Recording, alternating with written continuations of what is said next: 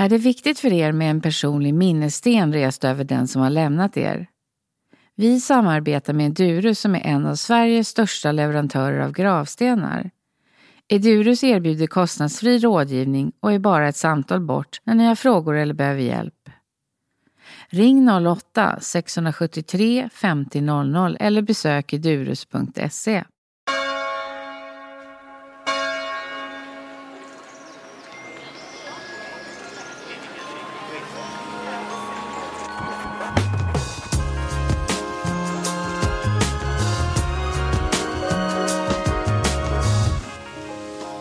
Välkommen hit, Thomas Eo. Du är ju innovationsstrateg och du har ett nyhetsbrev som heter Detta förändrar ju allt. Och det handlar ju väldigt mycket om teknik, eller? Eh, ja, det blir det ju för att eh, det är ju ofta teknik som förändrar mycket i samhället. Så jag försöker hitta saker som har hänt. Alltså det kan vara forskning, men det behöver inte vara teknikforskning. Det kan vara psykologi eller marknadsföringsteori eller någonting sånt där. Och sen så tittar jag på hur eh, det här skulle kunna potentiellt förändra samhället. Så just nu är det väldigt mycket AI. Mm. Och det är väl lite grann därför jag är här idag, tänker jag. Jag är lite nyfiken på hur mycket det kommer att påverka det. Och det vi pratar om här är ju livet och döden. Mm. Och hur mycket kommer all den här teknikutvecklingen och hur man ser på livet och ett längre liv. Ja, först måste vi väl egentligen prata lite så här, vad är att leva? Och dö. För det är inte helt självklart längre när vi pratar om ny teknik. Nej. Förut så har det varit ganska tydligt om man är död eller levande. Men om vi drar ut det här lite längre för att bara få en hook här på människor som lyssnar så betyder det ju faktiskt att vi kan frysa ner vår hjärna på ett sätt som gör att vi kanske kan återuppliva den. Det finns en ny teknik nu för att eh, kristallisera hjärnor. Eh, man dricker en dryck. Det här ska inte människor göra, för att man dör då. Eh, men hjärnan blir helt frusen i eh, det stadie som den är i exakt just då. Till skillnad från kryofrysar som ju frös ner med temperatur, liksom, så degenererar ju hjärnan efter några år. Så att det är ju ingen som tror på längre. Men det här är ju då den senaste grejen som den här typen av hur bevarar vi vårt sinne och kan återuppliva oss när tekniken finns. Men varför skulle vi vilja göra det då? Nej, det vill man ju inte. För då dör man ju om man dricker den här drycken. Ja. Eh, men uh, det finns ju grodor som fryses, så då har de den här stelnade hjärnan och sen så på våren så tinar de upp och blir normala igen. Så det finns ju andra sorters varelser som uh, jobbar på det här sättet. Och det finns företag, då, seriösa företag, ja, i alla fall tycker de att de är seriösa som eh, förespråkar det här då. Men det, det, är ju fortfarande på grundforskningsnivån. Så att när man skulle dricka den här drycken skulle väl vara i så fall om man har en dödlig sjukdom men man fortfarande inte har en degenererad hjärna. Vad betyder det? Nu så kan ju vi använda våra hjärnor ganska bra förhoppningsvis. Men eh, med åren så blir ju vår mentala kapacitet att resonera och förstå aningen avtrubbad. Vi har inte lika mycket celler som äh, återväxer på samma sätt, så att då blir det lite sämre helt enkelt. Mm. Man brukar väl egentligen säga att man toppar någonstans vid 25. 30 så blir det äh, sämre och sämre och sådär då, om man inte håller igång där. Så att det är väl då man borde dricka den här drycken. Men äh, det ska man ju inte göra. Det, det finns andra sätt förstås. andra sätt vi kan börja prata om om man lever eller dör, det är ju att överföra vår eh, tankeverksamhet, en modell av vår ta tankeverksamhet till en dator.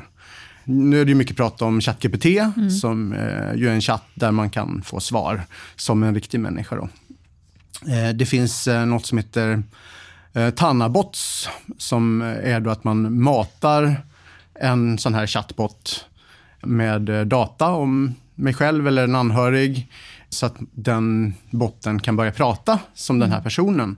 Och på det sättet skulle man då kunna bevara att jag kan fortsätta prata med dig efter du har gått bort. Mm. Och på samma sätt så kan man då tänka att har man dokumenterat hur hjärnan fungerar så kan man alltså bygga en modell som fortsätter resonera mm. så. Men det måste ju påverka en. Alltså, det är klart att det är skillnad att det bara fortsätter. När det var tänkt att Ja, men någon så här. är dö? det en del som säger så här, men vi överför bara vår tankeverksamhet till en modell av den. Mm. Så kan jag leva vidare i datorn. Om man ju skulle göra det nu, det går inte riktigt nu, men om vi, säger, vi opponerar att man skulle kunna göra det nu. Det betyder ju att jag står här, jag säger överför nu. Och sen har jag överfört den, då är datormodellen i datorn. Och jag är fortfarande kvar. Så jag har inte flyttat in i datorn, jag är fortfarande kvar. Så för att kunna leva för evigt så måste jag alltså stänga av den fysiska kroppen, det vill säga dö, för att kunna fortsätta leva i burken. Och då är det ju självklart, tycker jag. Jag lever, den lever inte. Men om vi istället ser det så här då. Ungefär var sjunde år så har du alla dina celler i hela din kropp är ju utbytta. För de byts ju ut hela tiden. Så ungefär var sjunde år så är du en helt ny person. Det finns ingenting kvar av det som fanns för sju år sedan i din kropp. Så har du då dött motsvarande vad du var för sju år sedan? Eller är du liksom samma person? Om vi då säger att den här typen av metafor, om vi tar den istället, att vi överför inte hela vår mentala modell på en gång och sen stänger vi ner den fysiska modellen. Utan man gör, tänker istället att man gör det lite, lite grann. Lite, mm. Kanske tar sju år att ut, byta ut varje del av sin kropp och varje del av sin hjärna till någonting annat.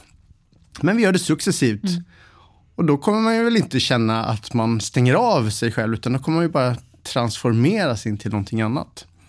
På det sättet skulle man ju kunna då komma från en fysisk kropp, om man nu ser att den fysiska kroppen är det som har mest begränsningar, eh, till att ha en digital kropp eller en robotkropp eller vad man nu tänker att man skulle kunna ha.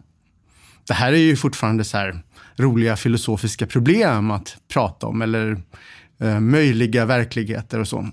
Men jag brukar tänka så här. Popkulturen driver oftast vad det är som vi vill åstadkomma. Så om man har hört en saga om det så är det där som magin ligger. Och alla vill på något sätt bevisa att den här magin faktiskt skulle kunna gå att göra på riktigt. Om inte annat för att utmana. Så det kommer alltid finnas människor som drivs av eh, de här storiesen som vi har hört som barn, ungdomens källa, eller eh, eh, alltså bara prata genom en spegel så här, på avstånd, kristallkulan. Och idag kan vi det. Vi kallar det för eh, Facetime istället. Liksom. Men det är ju magi. Det är det det är. Och, och på samma sätt så visar sig att mer och mer magi och magiska eh, företeelser kommer ju visa sig eh, vara saker som vi faktiskt kommer att kunna göra eller redan kan göra. Och på samma sätt så tror jag att ungdomens källa kommer att driva tillräckligt mycket forskning till att vi faktiskt så småningom kanske inte dör. Nej. Ens i vår fysiska kropp. Så det finns jättemånga olika spår på det här. Det har aldrig varit så mycket forskning om odödlighet som det är just nu. Det är så, på så många olika plan. Jag menar de här första exemplen jag pratade om med att frysa sin hjärna eller kristallisera sin hjärna. Eller bli eh, brain in a box. Det är liksom så här, eh, fantasieggande ytterligheter. Förmodligen så blir det ju inte där vi hamnar till att börja med. Kanske så småningom. Men eh, utan istället så kommer vi ju att modda hur länge vi faktiskt lever. Och där ser vi ju jättemycket forskning som eh, eh, jobbar med att få mindre djur, mindre varelser, att eh, gå långt över det livsspann som de förut klarade av. Så att, och det höjs ju hela tiden. Sen huruvida det kommer vara överföringsbart till människor när vi väl provar det på människor, det är egentligen rätt svårt att veta. Det är många futurologer som säger att det kommer definitivt att gå. Och det tror jag också att det kommer att göra. Men än så länge så ser jag inga bevis för att forskning eh, genom att till exempel använda den här gensaxen där man kan modifiera hur vå- våra gener gör att vi kan leva kortare eller längre. Då. Att det skulle gå att göra samma sak som vi har gjort på maskar eller, och på möss för att få dem att leva dubbelt så länge. Att det skulle funka direkt på människor så fort vi provar det, det tror inte jag än. Eh, jag ser, jag ser ingen forskning som tyder på det än, även om man skulle vilja att det var så. Men är det inte redan nu att man eh, har mer och mer medicin och möjlighet att eh, människor lever längre bara av att inte bli sjuka lika tidigt? är ett första steg. Eh, Jag skulle säga att vi inte har påbörjat den resan än, utan vi är fortfarande i eh, den fasen där vi förlänger livsspannet utan att för den skull öka hälsospannet. Alltså att vi, vi eh, ökar hur länge vi lever men vi blir fortfarande sjuka ungefär i samma ålder. Det är bara att vi lever med den sjukdomen längre. Det kommer vara jättemycket cancerformer som tidigare har varit obotliga som nu kommer vara livslånga sjukdomar istället. Så det kommer vara jättebra. För att vi kommer kunna leva med det och vi kommer ta våra mediciner och sådär. Vi kommer kunna så småningom känna ett hyfsat normalt liv, men vi kommer fortfarande leva med cancer. Mm. Så att från att vi har varit färre som fick cancer, eh, de som fick det dog, så är vi nu vid ett ställe där det inte är en dödlig sjukdom längre att få cancer. Inte alltid. In, jag menar, det är klart det är, men mm. det finns så många cancerformer som går att leva längre med mm. uh, numera. Och det här kommer verkligen att bli en stor boom i vilka cancersorter som kommer att gå att leva med. Och där kommer vi tillbaka till AI då. För att eh, om det är någonstans som eh, AI kommer göra en stor skillnad så är det ju inom medicinsk forskning. Den nya typen av generativ AI, som är det här senaste som vi egentligen pratar om, AI har ju funnits sedan 50-talet. Eh, men eh, jag hade en AI-startup 99 Eh, Eh, så att det har funnits länge, men eh, eh, den här senaste året så pratar vi om generativ AI då. Och det är ju istället för att analysera data och komma fram till saker utifrån att analysera mycket data, så kan istället den datan användas för att generera nya saker som tidigare har behövts människor för att generera. Det betyder att forskningen nu kan fungera lite annorlunda. Istället för att vi testar saker och måste testa det och det tar lång tid att testa saker så kan man på ett teoretiskt sätt testa saker. Och så att ett labb som förut hade kapacitet att testa kanske en sak i veckan. Det här pågår just nu med, till exempel materialutforskning. Du och jag känner ju varandra sedan Sveriges designer. Mm. Jag, jag, var ordförande där ju. Ja. Och då pratade vi mycket om materialbibliotek ja. och nya material och egenskaper. Uh, nu finns det ju möjlighet att ha ett labb uh, som förut klarade att testa en ny, ett nytt sätt att kombinera atomer till nya material med nya materialegenskaper och dokumentera det. Istället så låter man AI testa de här olika materialen. Så man bara testar, så här, går de här att sätta ihop mm. överhuvudtaget? Och vad händer när man sätter ihop det? Förut så behövde du ha en människa som avgjorde så här, ja det verkar vara lägre temperatur eller högre temperatur eller mer spänning och så vidare. Men nu kan man få en AI som tar de här besluten, vad ska jag göra för nästa test? Vilket gör att man kanske kan göra tio om dagen sådana här mm. test istället för ett i veckan. Så att man kan i princip bara låta det här köra så har du snart kört igenom alla material. alla material som överhuvudtaget går att göra och ja. se liksom vad, vad de får för konstiga egenskaper. Mm. Samma sak håller ju på att hända och det är inte nytt egentligen men det händer ännu mer nu då inom medicin. Mm. Så man kan testa modeller för vad händer om man utsätter en gen för den här typen av behandling. Vi vet att den fortsätter mutera, men då lägger man på det här så kan man köra massor av olika scenarion på det här. Det här kommer ju betyda att vi får mycket fler teorier om hur vi ska gå vidare så vi slipper ägna mycket energi åt att falsifiera en del grejer som kan falsifieras av sig själv. Liksom. Så mediciner kan tas fram snabbare? Exakt. exakt. Ja. Så att vi kommer att få cancer och vi kommer leva med den cancern. Först kommer vi leva med den cancern längre och bli sjukare och sjukare ändå. Men nästa steg är ju att öka health Så att vi alltså är friska med cancern. Mm. Och till slut så kommer vi till det du var inne på från början, ja. och det var det vi började med. Eh, wellness. Ja, där vi kan börja prata om att förebygga att vi överhuvudtaget kommer hit. Och det här kommer ju, allting det här sker ju lite samtidigt. Men forskningen ligger så mycket före, för långt innan generativ AI så har vi forskat mycket på cancer. Och det är mycket så här, hur eh, botar vi dem som blir friska istället för att prata om hur hindrar vi folk från att bli sjuka. Ja. Så den forskningen ligger ju långt efter mm. på wellness. Mm. Men det är där vi behöver göra en stor insats. Och sen så har vi tv-program eller saker om eh, de blå zonerna till exempel. Jätteintressant. Ja, förklara det, jag ja, vet inte det. Det finns eh, platser på jorden där folk ja, lever ja, mycket längre. Nu är jag med. Ja, som Blue. finns på Netflix nu, ja, just det. den serien. Det. det är en man som har åkt runt. Och det som är intressant där är ju att det är ju, där behövs det knappt någon forskning. Utan det, det är att de äter, de mår bra eller rör på sig. Så det är ganska enkla saker, men det är någonting de gör. De har alltid gjort det, de har en tradition. Mm. Nu är inte jag longevity-expert, sådana som eh, forskar på hur vi ska leva längre. Så, men det, det är en, en forskningsgren nu som mm. bara jobbar med liksom, hur kommer människor att kunna leva längre. Eh, men där pratar man ju om forskning då på hundraåringar till exempel runt om i världen, apropå det här. Då. Mm. Och än så länge så har vi inte riktigt hittat en gemensam faktor mellan de som lyckas leva Nej. över hundra år. Det är nog en kombination av saker. Eh, jag tror också att det är livsåskådning eller liksom hur man ser på livet. Så det är inte bara teknik eller bara medicin eller något sånt, utan det är kanske mer det som är tvärtom. Mm. tvärtom. Det, det, enda som vi börjar bli hyfsat överens om är att eh, prediabetes, alltså om man har högt blodsocker under längre tid, är en stor riskfaktor. Så att vill man leva längre än vad man borde göra, eller än genomsnittet, så behöver man tidigare hålla koll på blodsockernivåer.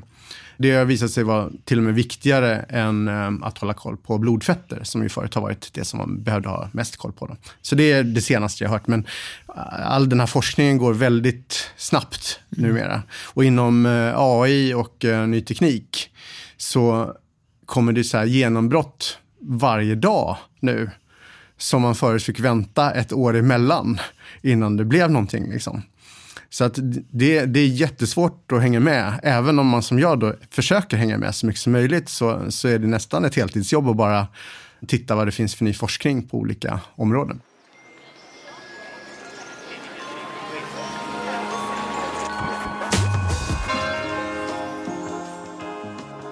Tycker du att det är bra om vi lever längre? Jag tycker det är bra om vi kan få upp eh, health span. Så att vi kan leva längre och är friska längre. Annars är det väl inte nödvändigtvis så kul att leva längre och vara sjuk. Jag menar, ha evigt liv men ha en hälsa som eh, en genomsnittlig 90-åring känns kanske inte jättekul, men ha evigt liv och hälsa som en 25-åring kan ju kännas mer intressant. Sen eh, kommer det här ju att ställa till andra eh, filosofiska problem naturligtvis. När eh, ska man börja tänka på att jag ska leva för evigt? Jag menar, idag planerar vi ju någonstans för att, ah, men nu kan jag börja belåna allt jag har och bara leva på pengarna som jag har kvar. Liksom, till exempel. Det är ju, jag tror inte det är så många som gör så. Nej, men man har ändå man det i bakhuvudet tror jag. Så här, ungefär så här länge tills jag behöver ge barnen pengar. Och, alltså det finns riktlinjer för det här. Ja. Men vi kommer komma in i en era där det blir lite mer ojämnt. Vissa kommer att leva jättemycket längre, andra kommer inte göra det. Det kommer finnas en eh, A och B-klass förstås. Jag gissar att det är de som är rika som först kommer att ha råd att ha evigt livpillret. Så det finns ju jättemycket sådana aspekter naturligtvis på det hela. Och hur ska vi få plats? Det är ju naturligtvis uh, en aspekt. Det finns ju många sätt att lösa platsbrist naturligtvis. Vi... Ska vi hålla sams? Ja, det är en annan grej.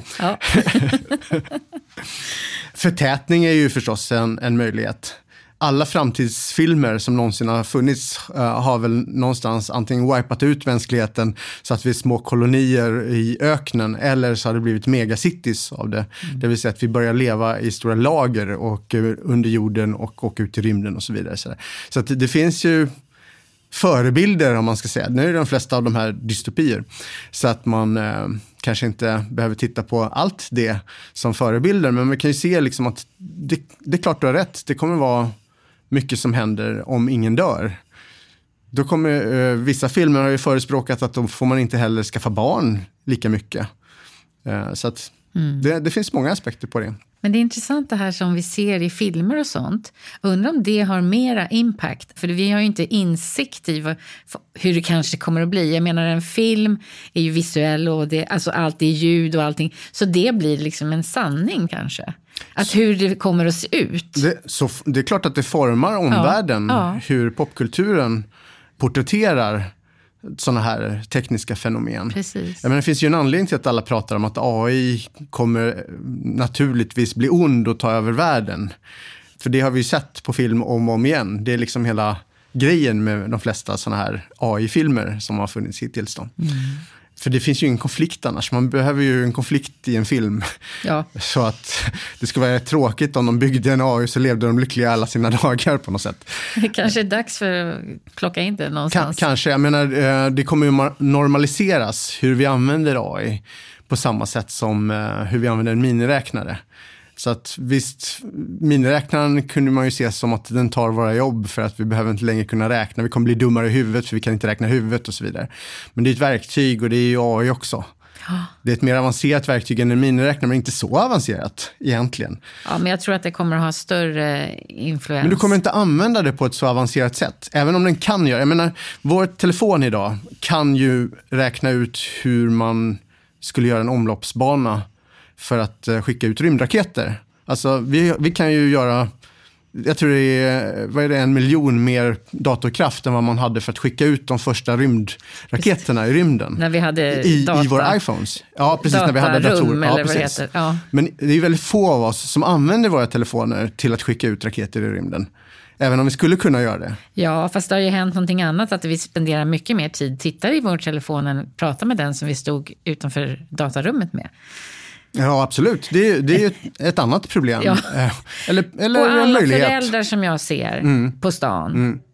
Barnet bara ligger och tittar upp och så står föräldrarna och tittar in i mobilen. Det skär i mitt hjärta. Mm. Alltså det är ett beteende som vi liksom bara glider in i, verkar det som. som vi inte, så det är det jag menar. Vi säger att det Mm. Det inte här är ska vår påverka. generations Ja. eh, pet peeve. Vi har eh, istället för att eh, prata om att du kan inte sitta där med näsan i boken medan du äter. Det är inte bra för din syn och du lär dig ingenting på det. Och du får fyrkantiga ögon om du tittar på tv. Det kom sen. och, och idag har vi sociala medier som vi förfasas över och jag också ibland. Eh, men jag försöker se det som, nu är jag den generationen som förfasas över någonting och vi, vi kunde inte förstå tidigare generationers förfasan över det vi gjorde. För det var ju så uppenbart att de hade fel. Och så kommer ju nästa generationer som växer upp med det här beteendet känna så här, det är inte ett problem faktiskt för att jag använder det på det här sättet. Så tror du vår, um, hur vi ser på AI är åldersbetingat eller generationsbetingat? Vi ser ju, eh, svenskarna och, internet eh, gjorde ju en AI-utvikning nu i sin studie där vi såg att eh, 35-åriga killar har eh, testat AI mycket mer än alla andra demografiska målgrupper. Så det betyder att vi kommer få ytterligare en generation eh, med eh, eh, kvinnor som inte kommer kunna ta för sig, tyvärr. Så det tycker jag är den På stora behållningen. arbetsmarknaden framför allt då, eller? Ja, i livet. I livet, ja. Alltså AI kommer att ha en sån stor inverkan på allting vi gör att om man inte förstår hur det fungerar så är det rätt knepigt för kommande generationer, skulle jag säga. Här tycker jag vi har en jätteviktig insats att göra, att se till att det blir jämlikt. Uppmana folk att ta de här eh, chanserna att leka runt med AI, för det är inte farligt. Det är en miniräknare än så länge. Och för de som är extra så här katastrofbenägna med det här så brukar jag tänka så här. Säg att jag är den värsta personen du någonsin kan tänka dig. Jag är den här James Bond-skurken som vill ta över världen. Och, och så ska jag göra det nu. Och då har jag ju den här podcasten här nu, då kan jag ju säga så här, "Ko- följ mig, så tar vi över världen. Och jag ska göra människor till slavar eller vad det är nu jag kan komma på. Det är inte så många som skulle följa mig ändå. Eller hur? Jag gissar det i alla fall. Jag hoppas jag har fel. och samma gäller ju med en galen AI. Om en galen AI försöker ta över världen så är det en galen AI. Men när det finns tillräckligt mycket AIs för att ta över världen så finns det så många AIs. Så att då skulle alla, eller ganska många, behöva vara galna på samma sätt samtidigt. Och så skulle de behöva nå ut. Och även om, säg att de når ut till alla AIs, så alla AIs blir galna på samma gång, så är det fortfarande ganska många människor kvar som inte skulle bli galna. Så att det här kommer att vara en tröghet som jag tror de flesta tänker att det kommer gå så snabbt. Vi kommer inte hinna säga någonting. Men i praktiken så behövs det resurser för att göra en revolution. Eh, Så den, den kommer inte vara osedd. Så att jag ser inte något problem med det. Så jag leker glatt runt med allting just nu. Men du skrev ju i ditt nyhetsbrev, din mamma har AI, eller vad skrev Ja, du? men det har den ju. Ja, och det förmodligen. var väl ett sätt att berätta att det finns redan... Det finns redan i våra telefoner, Ja. till exempel. Våra telefoner har inte linser längre, utan de har processorer. Så det, det finns ingenting som den ser, utan all input som den får via det vi kallar för kameralinser, men det är ju egentligen inte kameralinser längre, utan det är ju små sensorer som bevakar vår eh, omvärld precis när vi trycker på knappen att vi ska ta bilden. Sen tar den de impulserna och översätter dem till pixlar. Det finns ingen bild. Så att vi kallar det fortfarande för foto. Visst, det är ljus som mm. den tar in och sådär, tolkar. Men vad det blir av det. Jag menar om du jämför en bild, du tar en bild med en Samsung-telefon och en iPhone så kommer du få olika resultat. Det blir helt olika färger. Så det här är ju tillverkarna som har sagt till algoritmerna i de här telefonerna hur de ska göra den här bilden. Så de är skapade. Mm. Samsung drog ju lite för långt och, eh, nu med någon modell och så att om man fotar månen så blev det mer som att fota en QR-kod som startar den här genereringsmotorn av månen. Så att den la in månen mycket mer perfekt än vad den var. Aha. Så du behöver inte fota en riktig måne, du kan fota en bild på månen. Så blir det en jätteskarp och vacker bild på månen med en sån kamera. Då. Och det tycker ju folk är lite konstigt, men egentligen är det inte det. För det är precis, eh, om du tar en bild i mörker med en iPhone så får den bara konturer. Och sen så skapar den ju resten av bilden mm. utifrån vad den tror att vi skulle vilja se däremellan. Så att bilderna är egentligen AI-skapade redan idag. Det finns ju sån mycket tryck och vilja och glädje att skapa ny teknik hela tiden. Men jag tycker inte är det alltid ett bra resultat? Det känns mer som en iver att göra saker. Än om, Människans lust att upptäcka mm. Eh, nya saker, den tycker jag är bra. Ja. Teknik i sig är inte dålig. Driften att göra ny teknik är inte dålig. Det är ju vad människor vill använda tekniken för ja, men som kan vara dåligt. Du sitter och pratar om ett varumärke så helt plötsligt kommer det sådana annonser på din telefon. Det känns ju lite olustigt. Ja, men det är ju inte sant. Det är ju debunkat så många gånger att de inte lyssnar. Och vet du varför? Vad skönt att jag får reda på det här nu en gång vet, för alla. Vet du varför det inte funkar så? Det kräver så otroligt mycket processorkraft att göra det här. Så det men skulle varför betyda säger att de... alla det då? Ja, för att det är en lätt myt. Du, du är ju förmodligen rätt målgrupp för det här. Det är därför du sitter och pratar om det här varumärket. Eller hur? Om vi pratar om ett varumärke som vi båda skulle gilla så är det ju för att vi är målgrupperna för det här varumärket. Ja. Då finns det ju andra sätt genom att använda så här demografi eller andra saker vi tycker om som vi har klickat på. Så det finns mycket lättare sätt att göra det på än att analysera våra röster, skicka in det för att en AI skulle då ta fram det perfekta budskapet till dig och sen göra en annons på det som den skickar bara till dig just vid det tillfället efter du har pratat om det. Det, det är osannolikt. Då skulle man ju nyttjat det ännu bredare. Ja. jag säger inte att det inte kan vara så. Mm. Det skulle kunna vara så, men det skulle kunna... Idag kräver det extremt mycket processorkraft för att uh, få det att bli så. Men jag menar inte vara negativ mot teknik eller ny teknik, men vad jag menar, det känns ibland som att det är viktigare att ta fram tekniken än, än behovet. Mm. De flesta forskare som jag träffar och pratar med, som är så här duktiga forskare, drivs ju egentligen inte av appliceringen av forskningen. Eh, man bryr sig inte om vad forskning ska vara till. Det roliga är ju att forska. Mm. De är ju roliga problemlösare. De hittar roliga problem som de forskar på. Så, så har det ju varit sedan forskningens början. Mm. Så att vad vi ska göra med tekniken, det är därför jag brukar hjälpa företag att sitta i styrelser och mm. prata om liksom så här, vad ska vi göra med det här nu. Ja. Det är ju för att ta tillvara på alla de här upptäckterna. Ofta handlar det ju om att man inte ens når ut med den forskningen som man gör. Jag hörde för jättemånga år sedan nu att eh, bara man tänker på att man rör sig så kan man undvika att få liggsår. Så att om man ber någon som av någon anledning inte kan röra på sig lika mycket, tänka att de är ute och rör på sig, så kommer musklerna på något sätt att aktiveras lite, lite mer. Vilket gör att man får färre liggsår. Mm. Och det här är sån här forskning, det, det är ju revolutionerande. Detta förändrar ju allt egentligen, men det är väldigt svårt att nå ut med forskning. För forskarna är inte intresserade oftast av att nå ut med, de är intresserade av att göra forskningen. Och därför behövs det fler som lyssnar på det. Och, och det behövs och översätt eller förklarar ja, och förstår vad det är de ja. faktiskt har kommit på. Jag menar, ChatGPT fanns ju innan ChatGPT, det är ett år sedan ungefär nu. Som, mm.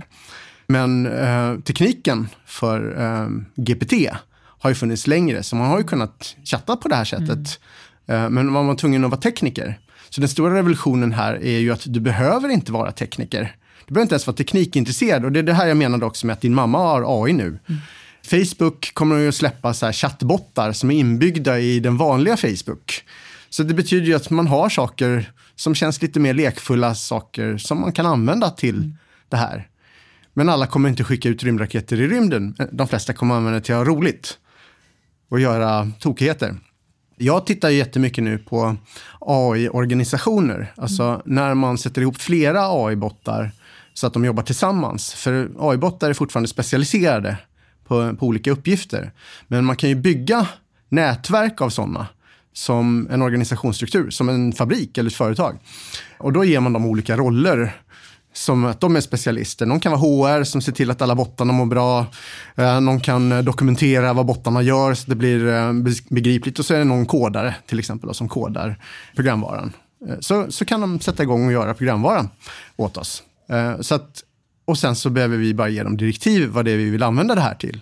Det här är fortfarande ungt men det går att göra enklare applikationer, enklare spel och sådär. Kan den göra helt själv nu då. Och det här kommer ju förändra arbetslivet väldigt mycket. Många pratar ju om att de är rädda att ens arbetsuppgifter försvinner. Ja, det kommer de ju göra. Ja, Arbetsuppgifterna kommer ju försvinna, men egentligen så de arbetsuppgifter du har mest är ju de som du tycker är tråkigast, ofta. Vi kan inte all, även forskare som gillar att lösa forskningsproblem jobbar ju mest med anslagsansökan. Yeah de flesta arbetsuppgifter vi gör, de är jobbiga och tråkiga och vi ägnar mer tid åt dem än vad vi behöver. Så vad de här nya automatiseringen gör är ju att det tar bort det, för vi är fortfarande lata varelser. Så vi kommer ju använda automatiseringsteknik för att göra de saker som vi inte vill göra. Sen kommer vi ju gotta ner oss i de sakerna som kanske går att automatisera, men vi kommer vilja fortsätta göra dem för de är roliga. AI är en möjliggörare till att få de här tråkiga arbetsuppgifterna att bli mindre belastande för oss, så att vi kan göra de intressanta problemen istället. Men det betyder ju att din arbetsroll kommer att förändras. Men det här är ju heller inget nytt. Det var innan AI. Eh, jag menar, vi har pratat om att du kommer ha i genomsnitt sju olika karriärer under ditt liv. Det är ju jättelänge sedan, alltså 20-30 år sedan vi började prata om det. Och ett papperslöst kontor. Ja, det har vi också pratat om. Eh, jag tror att det är mer papperslöst på sätt och vis. Å andra sidan produceras det fortfarande enormt mycket mer ja. mängder text. Det mesta onödigt. Så det är väl snarare det vi behöver bearbeta. Eh, nu är det ett oändlig mängd slides dessutom mm. som produceras som är helt onödiga. Så det vet jag som är strateg som oftast producerar onödiga slides. Jo, så att när vi förändrar vårt arbetsliv på det här sättet, att vi slipper göra de tråkiga sakerna, så kommer ju våra arbetsroller att förändras. Men jag tror att det blir till det bättre. Men det är klart att man är orolig som alltid när det kommer att vara en närastående förändring av vad det är man gör. Mm. Så att det ska man ju ta på allvar. Det kommer vara jättemånga som är väldigt rädda tills de märker att men jag använder ju redan det här, för det är ju inbyggt AI i kommande Windows-version.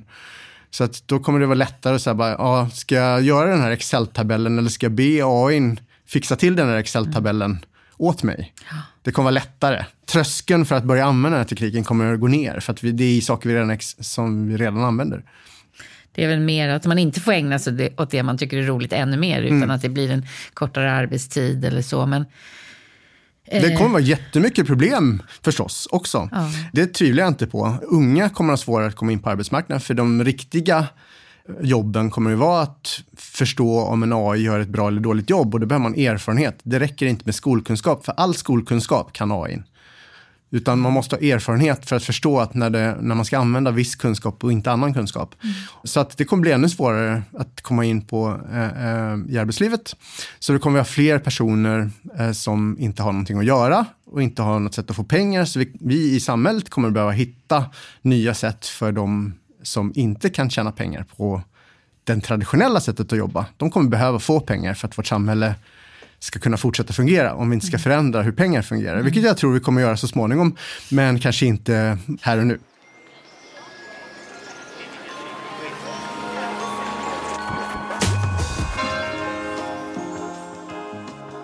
Hur kommer det här påverka hur man ser på livet? Ja, det var dit jag skulle komma ja. äntligen.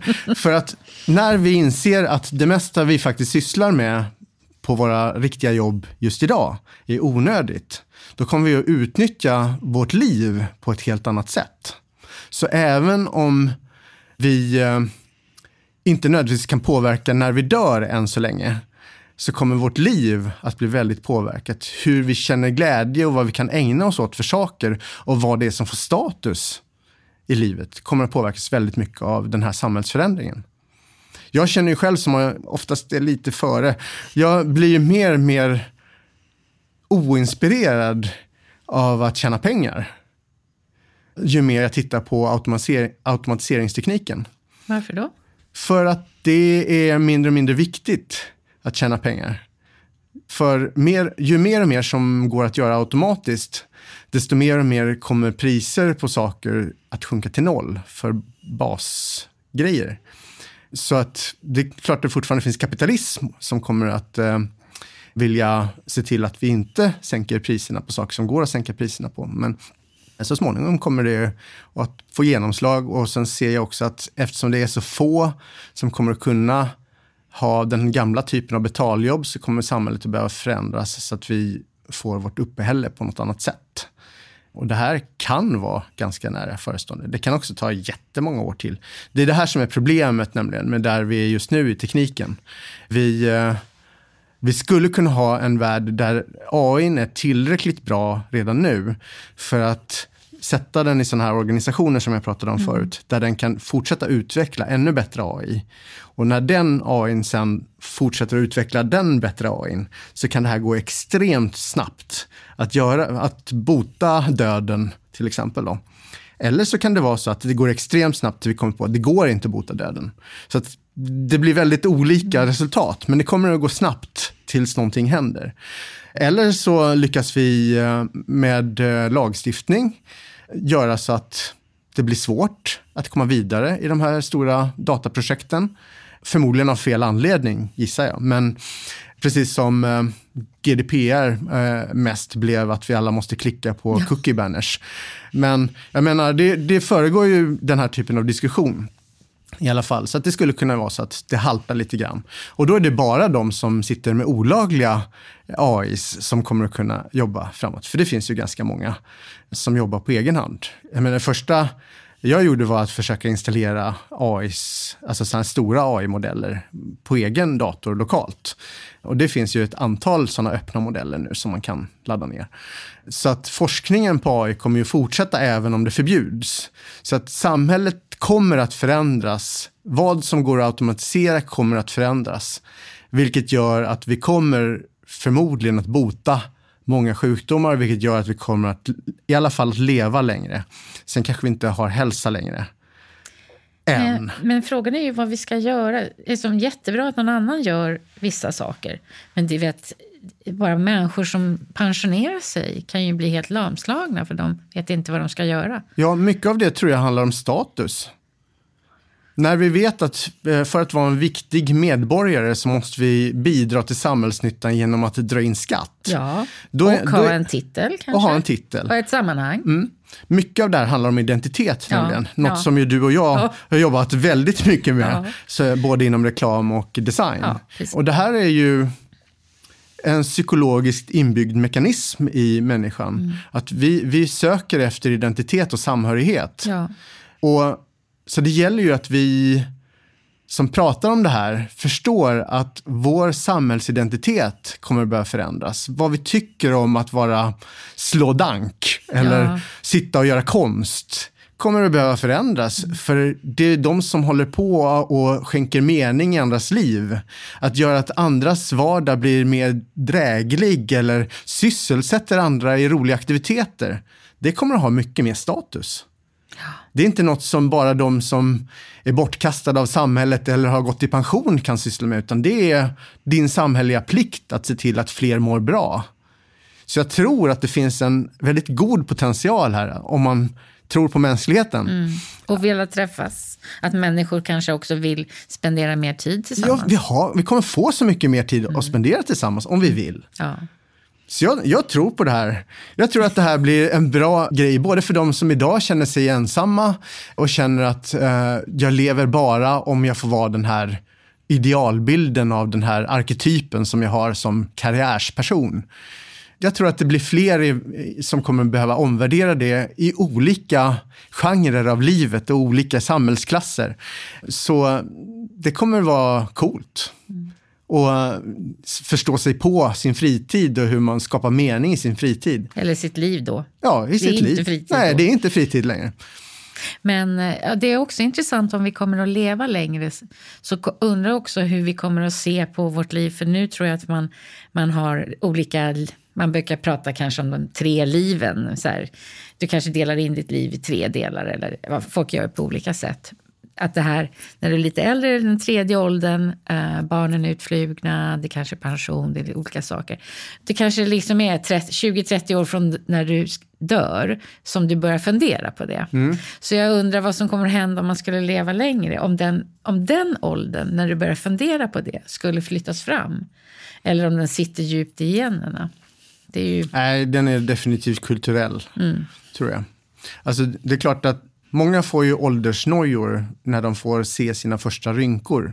Så det är ju egentligen en visuell grej. Men det kan också vara att man börjar känna att man är trött tröttare. Mm. Eh, då börjar man känna så här. Och sen så råkar det vara eh, det här fiktiva talet som slutar med en nolla. Ja, jämna eh, födelsedagar. Ja, som vi har hittat på. Det är ju kulturellt. Men när det sammanfaller med att du börjar känna ålderstecken så får du den här kulturella bilden av dig själv att just det, jag håller på att bli äldre. Mm. Varför nu det skulle vara ett problem egentligen? Ja, men det är ju förbjudet att vara äldre i Sverige. Ja, det är ju inte bara i Sverige. Jo, jag tycker mest i Sverige. okay. Ja. Nej, inte förbjudet, men det känns inte som det finns någon hyllning till någonting som är till äldre människor. Vi satsar ju inte på äldrevården kanske. Alltså alla de här innovationerna du pratar om, de är inte igång. Att ligga i en säng på äldrevården och tänka på eh, att inte få liggsår till exempel. Det mm. skulle mm. de ju kunna införa. Ja, det skulle de kunna, men det vet jag inte om de gör eller inte. nej, måste jag det vet säga. inte jag heller. Men, det... nej, men jag, jag menar mer att vi hyllar ju ungdomen väldigt mycket i Sverige. Samtidigt som vi pratar om att vi vill ha folk ska jobba längre och sådär. Så det är lite dubbelt. Mm. Jag har ju varit med på många diskussioner om målgrupper eh, på senare år där man börjar prata om att eh, i och med att man när man är pensionär oftare är frisk så spenderar man oftast mer pengar och därför är en gångbar målgrupp mm. som man inte gjorde när jag började i mm. reklambranschen mm. för länge sedan. Mm.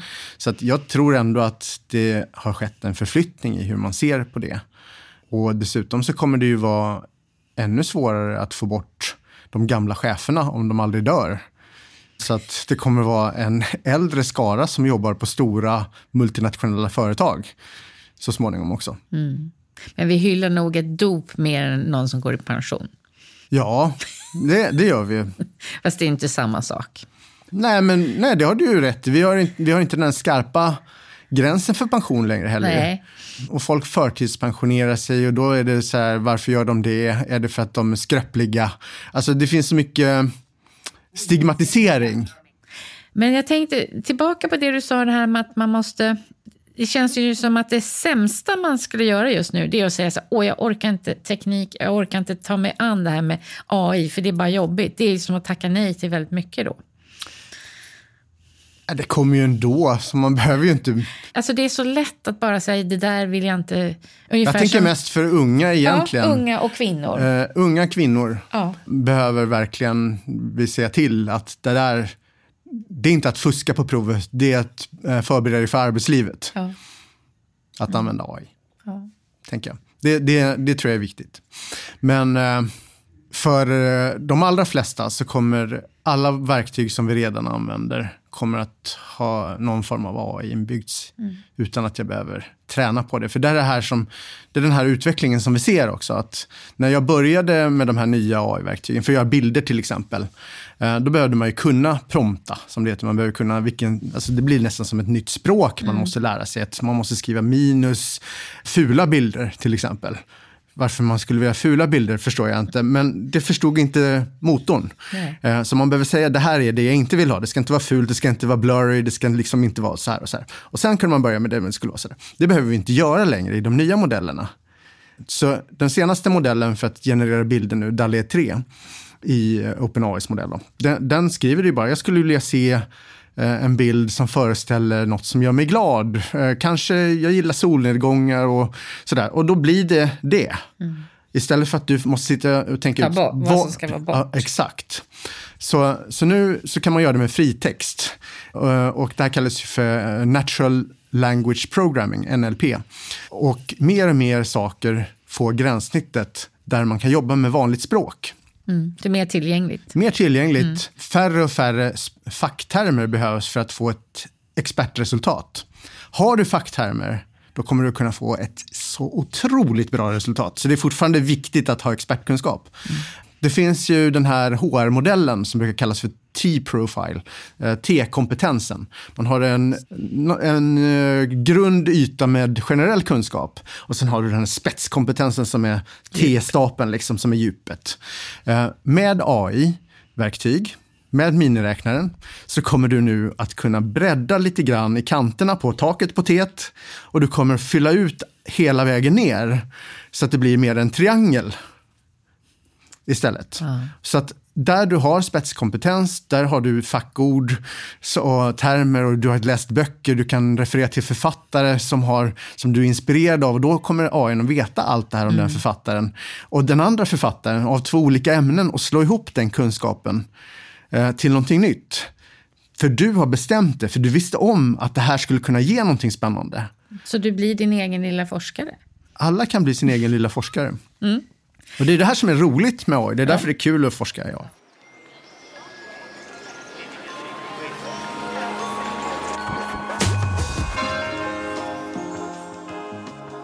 Vill du leva längre? Eller för evigt? Om alla andra ska göra det vill jag ju inte utebli. Det är ju lite så. Om alla andra dör så kan väl jag också dö. Men mm. om alla andra lever längre kan väl jag också göra det. Har du funderat mycket kring din egen död eller begravning? Eller liksom, vad, vad tänker du om livet? Nej, jag, jag bryr mig inte så mycket om livet och döden på det sättet. Jag, jag har ett sånt långt perspektiv på saker oftast. Alldeles för långt kanske. Men jag ser mig själv som ganska obetydlig i det stora hela. Jag ser mänskligheten i sig som ganska obetydlig i det stora hela. Det är en liten prick på tidslinjen eh, som mänskligheten har funnits eller kommer att finnas här. Och sen mm. finns vi inte längre. Eh, och jag är en del av det. Eh, jag, och jag drivs inte heller själv av legacy, du vet som arkitekter kan göra. Att jag måste bygga det här stora monumentet till min egen storhet. Jag, jag trivs bäst med att eh, de jag har nära eh, är trevliga och jag försöker få fler och fler som är trevliga runt omkring mig, färre och färre som inte är trevliga. Eh, så jag väljer den typen av sammanhang. Men sen så har jag nog levt som att varje dag kan vara den sista. Sen jag var barn, tror jag. Varför då? Jag vet inte. För du är ju så nyfiken. Alltså, du vill ju lära dig så mycket. Ja, men det är ju, Hin, det är ju ett tidsfördriv. Ett driv. ja, men jag, nej, men jag ser det nog som någonting ska man ju göra innan man dör. Mm. Och då, det ger ju mig glädje. Det finns ju andra saker som ger andra glädje, som till exempel att bygga legacy. Eh, det kan ju vara, det är som, eh, så här, eh, som ett spel där man måste levla upp hela tiden. Min legacy måste bli större och större, så får jag den här medaljen på slutet. En del drivs av det, andra tycker det är roligare med open world-spel där man kan gå och titta och utforska lite grann. Men det är egentligen utforskandet som är mm. det roliga av spelet. Och jag ser mig kanske mer som en sån open world-forskare. Okay. Men jag, jag tänker nog att det är så stora perspektiv på allting. Och så för mig är det inte så konstigt att tänka att leva oändligt, för jag har ändå haft det perspektivet. Även att jag inte tänkt att jag skulle vara oändlig. Så jag har tänkt på oändligheten som den, mm. som den eh, tidslinje som jag jobbar med. Liksom. Mm. Och det som förändrar allt för mig i det här då, när man börjar prata om att jag som person kanske är oändlig, då kanske man behöver tänka mer på legacy. Att jag behöver tänka mer på hur ska jag göra min omvärld trevligare. Mm. Tänkte där på legacy, jag tänkte som en gravsten har ju länge varit ett sätt att berätta om en människa. Mm. Men nu har vi så mycket digitala jag menar, du, kommer ju, du kommer ju finnas kvar i allt det digitala. Ja, jag är ju själv en sån som sparar mig själv. Det har jag gjort väldigt länge. Jag har kvar eh, all min e-post tror jag som jag någonsin har skickat. Ja. Eh, så att det är bra träningsdata till att bygga en bot så småningom. Jag har eh, eh WhatsApp-konversationer utsparade i filer så att jag liksom kan spara konversationer och, och träna en bot så småningom med det. Då. Mm. Men är inte vi alla kommer att finnas kvar i digitala liksom, Ja, man kan ju Vad tänka... säger man? Mönster eller stigar? Det, eller det skulle man? kunna vara så. Eh, när Google kom så pratade vi om att vi kommer finnas kvar för evigt. För eh, Google förevigar oss på något sätt. Liksom. Eh, det kommer vara jättesvårt att ta bort om man har gjort Ja. något fel och sådär. Ja. Idag är det ju jättesvårt att finnas kvar på Google efter några år om du inte gör någonting. Så att jag vet inte. Det är jättesvårt att säga Mm. Men Facebook finns ju kvar till exempel. Om du Ja, inte tar då- bort det efter du, någon har dött. Ja, det gör det, Instagram. men det blir svårare att hitta. Du kan, den får inte nya följare direkt. Nej. Jag vet jag tror inte det är så... Man kan problematisera det mesta. Jag gillar att problematisera det mesta, men jag är också väldigt pragmatisk av mig. Jag tänker att det mesta av det vi problem- problematiserar är ju för att ha en intressant diskussion om det, inte nödvändigtvis för att det är ett problem på riktigt. Nej. Men eh, jag tänker det här med hur du ser på eh, livet och döden. Är det någonting som du diskuterar med din familj? Har, de, har ni alla samma uppfattning? Jag tänker du, eller har du det här särintresset att det är liksom det här långa perspektivet? Mm, ja, mina barn är ju för små än så Ja. länge. Eh, så, jag, de brukade fråga mig när de var mindre så här, eh, om alla måste dö. Och jag har varit ganska tydlig med det. Att det tror vi, hittills har alla dött. Men det är inte, det är inte mer än så. Det är det enda vi vet, att hittills har alla dött. Vi vet inte att alla måste dö. Och det står jag vid fortfarande. Jag tror personligen att jag själv kommer att dö. För i, i vår tid kommer inte det förändras på det sättet. Jag tror inte det. Eller jag kanske inte kommer ha råd med det. Eller kanske det finns något annat, det blir förbjudet för de flesta. Men det kommer ändå finnas folk som blir det och så vidare. Eh, under min livstid, gissar jag. Men jag tror att jag kommer få tag i det för sent. Mm. Kanske. Vi får se. Eller är det för dyrt? Eh, vi får se hur snabbt det förändras. Men jag tror att det finns en möjlighet att mina barn kanske skulle kunna bli odödliga. Ja, med de orden Thomas så tackar jag dig så mycket för att du kom hit och väckte alla de här tankarna kring eh, framtidens teknik och hur vi ser på livet. Tack för att jag fick komma. Gå gärna in och prenumerera på Min död, min begravning. Då får du reda på när nya avsnitt släpps och där kan du betygsätta podden. Och då hjälper du andra att hitta oss. Tack för att du har lyssnat.